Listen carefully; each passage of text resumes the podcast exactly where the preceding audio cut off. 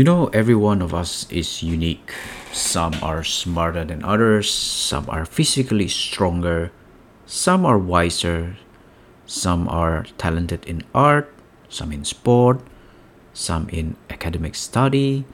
But one thing we will have in common an event, a special one, something that every single one of us will have to go through. You, me, and everyone here are going to die. What a great way to start this whole thing, right? Every single one of us have a starting date, the day we are born into time and space. And every single one of us will have an end date. We might not know it now when that day will be, but we know for sure that they will come. Doesn't matter how good your grades are, doesn't matter how many trophies you have won before, all of us one day will reach that end date and disappear from this world. So when you walk in columbarium or cemetery, you always see that starting date and the end date.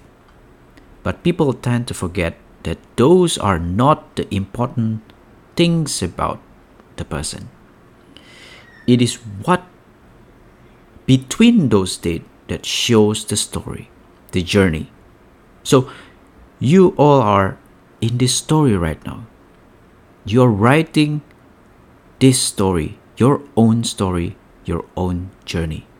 So today, I want to share with you three questions that could help you writing this story of yours. You will also have these um, reflection questions in your booklet but I'm going to share here the answers to mine. Okay. The first question is Who are you? So I want you to reflect back, starting from the young age, and answer these questions. Who do you think you are? There are many different approaches for this. You can look from the perspective of your talents, for example. Oh, I am a musician. I am a basketball player. Or maybe you can see it from your strength. I am smart. I am handsome, and so on. But today, just today, I want you to see from the perspective of your weakness. So the answer would be just a simple three or four words sentence like I am a coward. I am a slut, a pervert, a cheater, a manipulator, and so on. So just pick one. Okay? You got it? So let me start with mine. I am ordinary. So I'm gonna skip the personal sharing sessions here. I'm just gonna move on with the content of the talk. So there, yes, there is there was a time where I felt special and not ordinary. But did my life get better after that? No. There's still something in me that is searching for something. Something's lacking and I could feel that something is missing. So while we are on this journey together, writing our story, have we ever stopped and asked ourselves what do we really want? What are what are we going to do with our life? What am I looking for? And this brings us to the second questions of the day. What do you seek? Maybe it's power. So you want to be the boss. You want uh, you do not want to work your whole life for other people's dreams. You want people to work for yours. Or is it money? Or maybe it's fitness. You want to get your body to the maximum level of functionality, to get buff, to get ripped. Or maybe it's pleasure. Or maybe you just want to make difference in the world, to get acknowledged, to let people know that what you have done matters. So we are looking for something. Don't get me wrong, it's nothing bad to want to have more money. Nothing wrong to want to provide for the family. It's nothing wrong to want to be the best in class. Getting all that stuffs are okay, but I gotta tell you, underneath all that we are look for in life, there is more fundamental longing. You, me, all who ever live. What if we are looking for the same things? Human beings, we all want to be happy. If you want money, it is because you think it will make you happy. If you want to make impact in the world, it is because you think your impact will make other people happy to bring happiness. If you want a good marriage, it is because you think marriage will give you that happiness and a sense of purpose, meaning, and fulfillment. So I'm going to quote non-Christian persons, famous one. Dalai Lama said, "We 7 billion human beings, emotionally, mentally, physically, are the same. Everyone wants a joyful life." Or famous mathemat- mathematicians, Blaise Pascal, though he is a Catholic, all men seek happiness. This is without exception. Whatever different means they employ, they all tend to this end. The cause of some going to war and of others avoiding it is the same desire in both, attended with the different views. This is the motive of every actions of every man, even of those who hang themselves. This is kind of aligned with what we have learned or what um, St. Thomas Aquinas had shared with us. People who choose sin is choosing it not because it is bad, it's because they think their choice is a good one. So, bottom line, we all want to be happy. We all searching for happiness. But the problem is, what is happiness? We often mix happiness with temporary pleasures. I mean, really ask yourself, how much happiness do you want? Or how long should it last?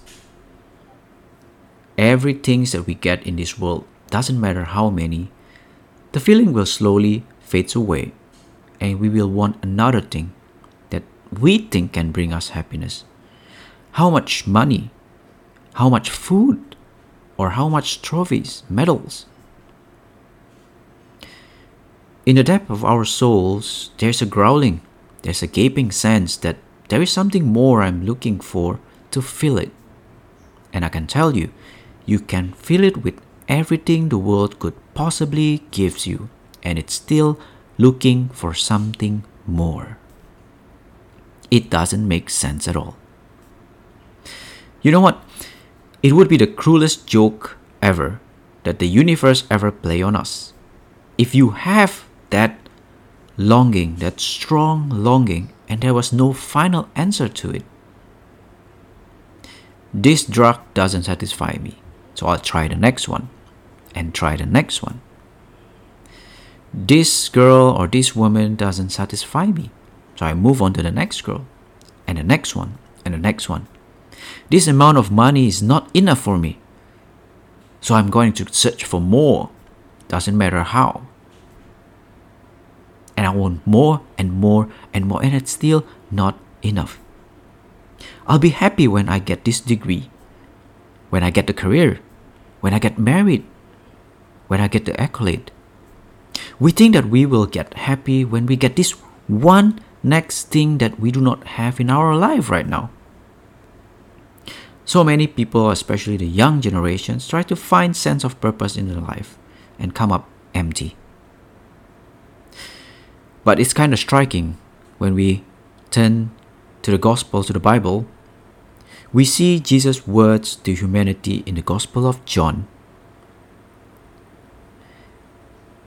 He turned to the two persons who followed him. Those two persons are disciples of John the Baptist. And Jesus said, What are you looking for? Or what do you seek? Every hope that you had for happiness, every dream that you had ever had for an amazing life, every longing for that love that filled your heart, it has an answer. So don't be the person who goes through life never asking the questions, never taking the step, never taking the journey. Don't go through life just by existing. The journey, your journey, start here and right now. Happiness is not something abstract. It's not vague. Pope Benedict XVI once said, Happiness has a face and a name. It is the face that we are already familiar with. It is the name that we call upon in every single of our prayer. Sure, you know who this man is, but do you know him really? Who is this man? 2000 years ago, a poor child was born in a poor family in a very small, insignificant little town. He lived a quiet life, learned to be a carpenter. He raised a small group of followers and lived about 30 years before he ended up being killed. But this is a crazy thing. Time itself measured from the birth of this man. Countless cities, schools, hospitals are named after his followers. He has a billion people on earth right now who claim to be his follower. Jesus Christ is easily, hands down, the most dominant figure in all human history. The guy who had no money, no power, no army, can be the most dominant figure in all history? That makes no sense at all. So, who was this man? Matthew 16 tells us the story in um, Caesarea Philippi. I'm sure you know this story as well, right? Where Jesus asked his disciples, Who do people say that I am? And they said, Teacher, a prophet, and so on. But then he asked them again, What about you? Who do you say that I am? You see, he didn't care what the world says. He cared what they said. He cares what you say. Our first pope gave us an answer here. He said, You are the Messiah, the Son of the living God. Jesus is truly God and truly man. He is the one who revealed to us that God is love and what is the most important attribute of love? It's mercy. So we come back again um, to our weaknesses when why that's the reason why do we start with our weaknesses just now the reason is because i want you to see whether your weakness is sinful or not because if it is then you have to repent. Go for confessions. Ask for forgiveness. The problem for many of us is some things also quite striking where people tend to think that, okay, I could forgive you, but I will never forget what you have done.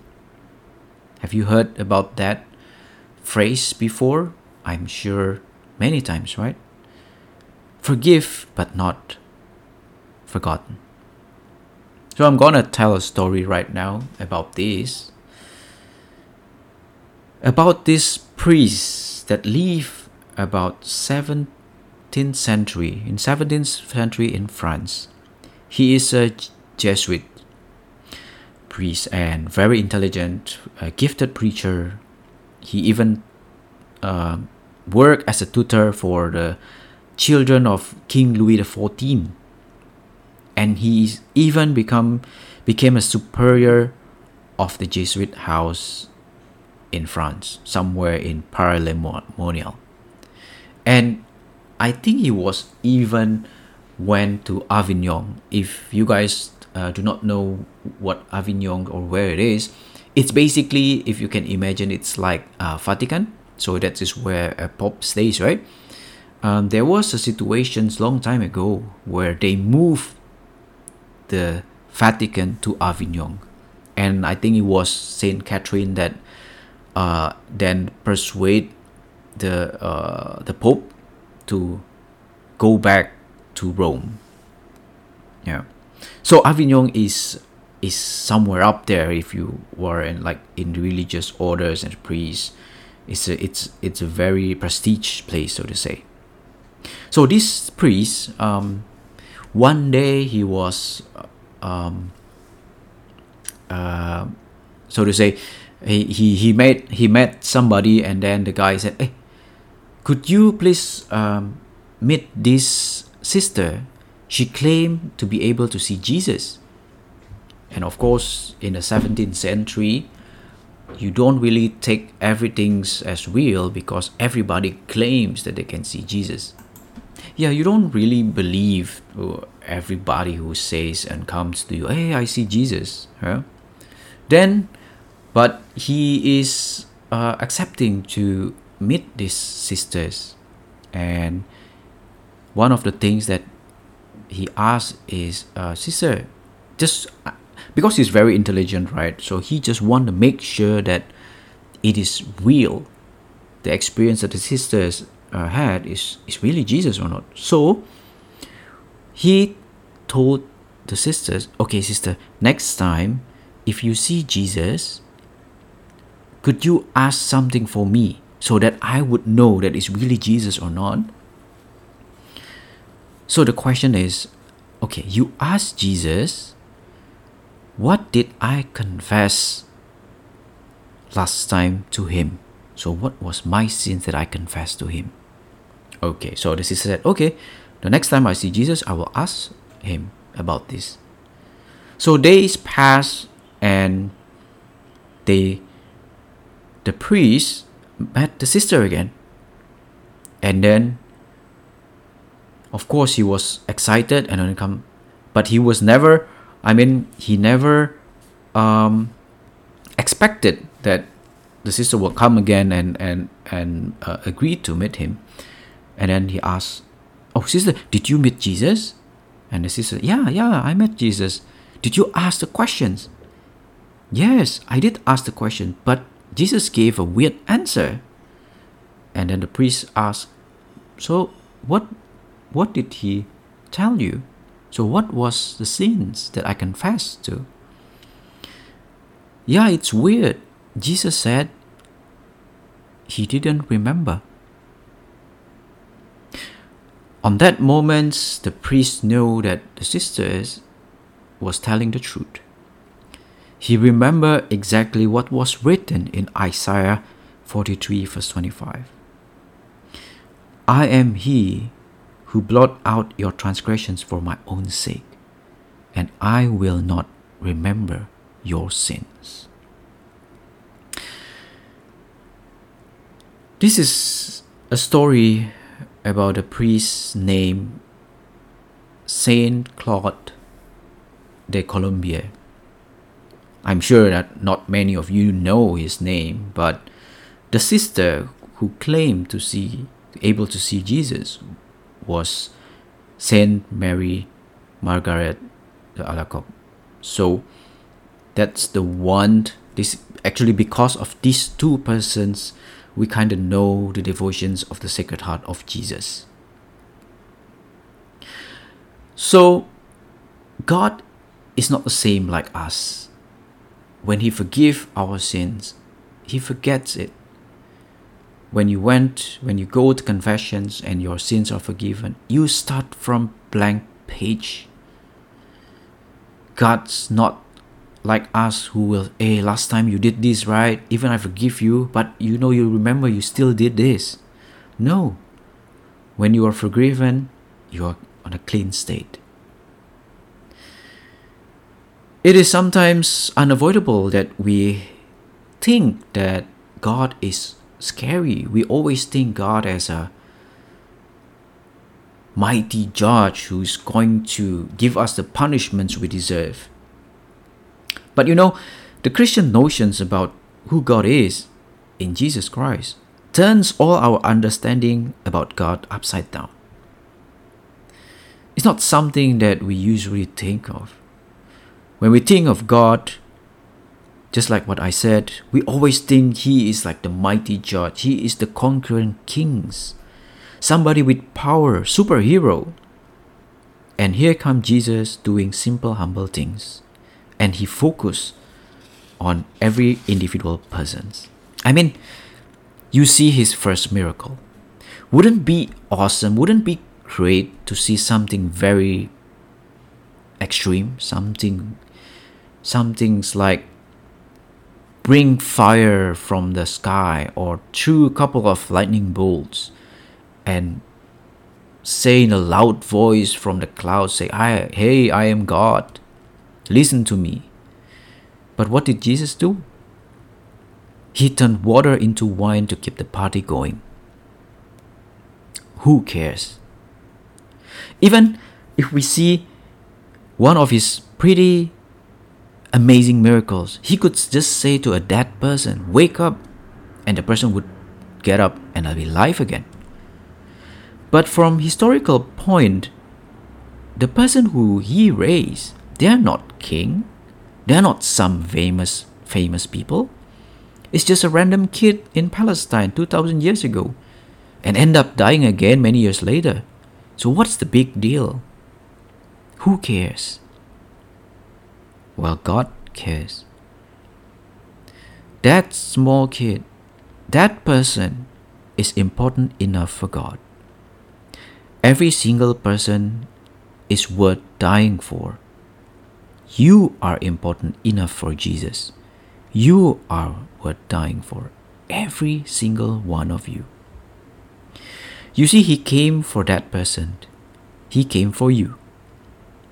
So, at the center of human history, at the center of every longing heart for happiness, there stands a man who asks the questions What do you looking for?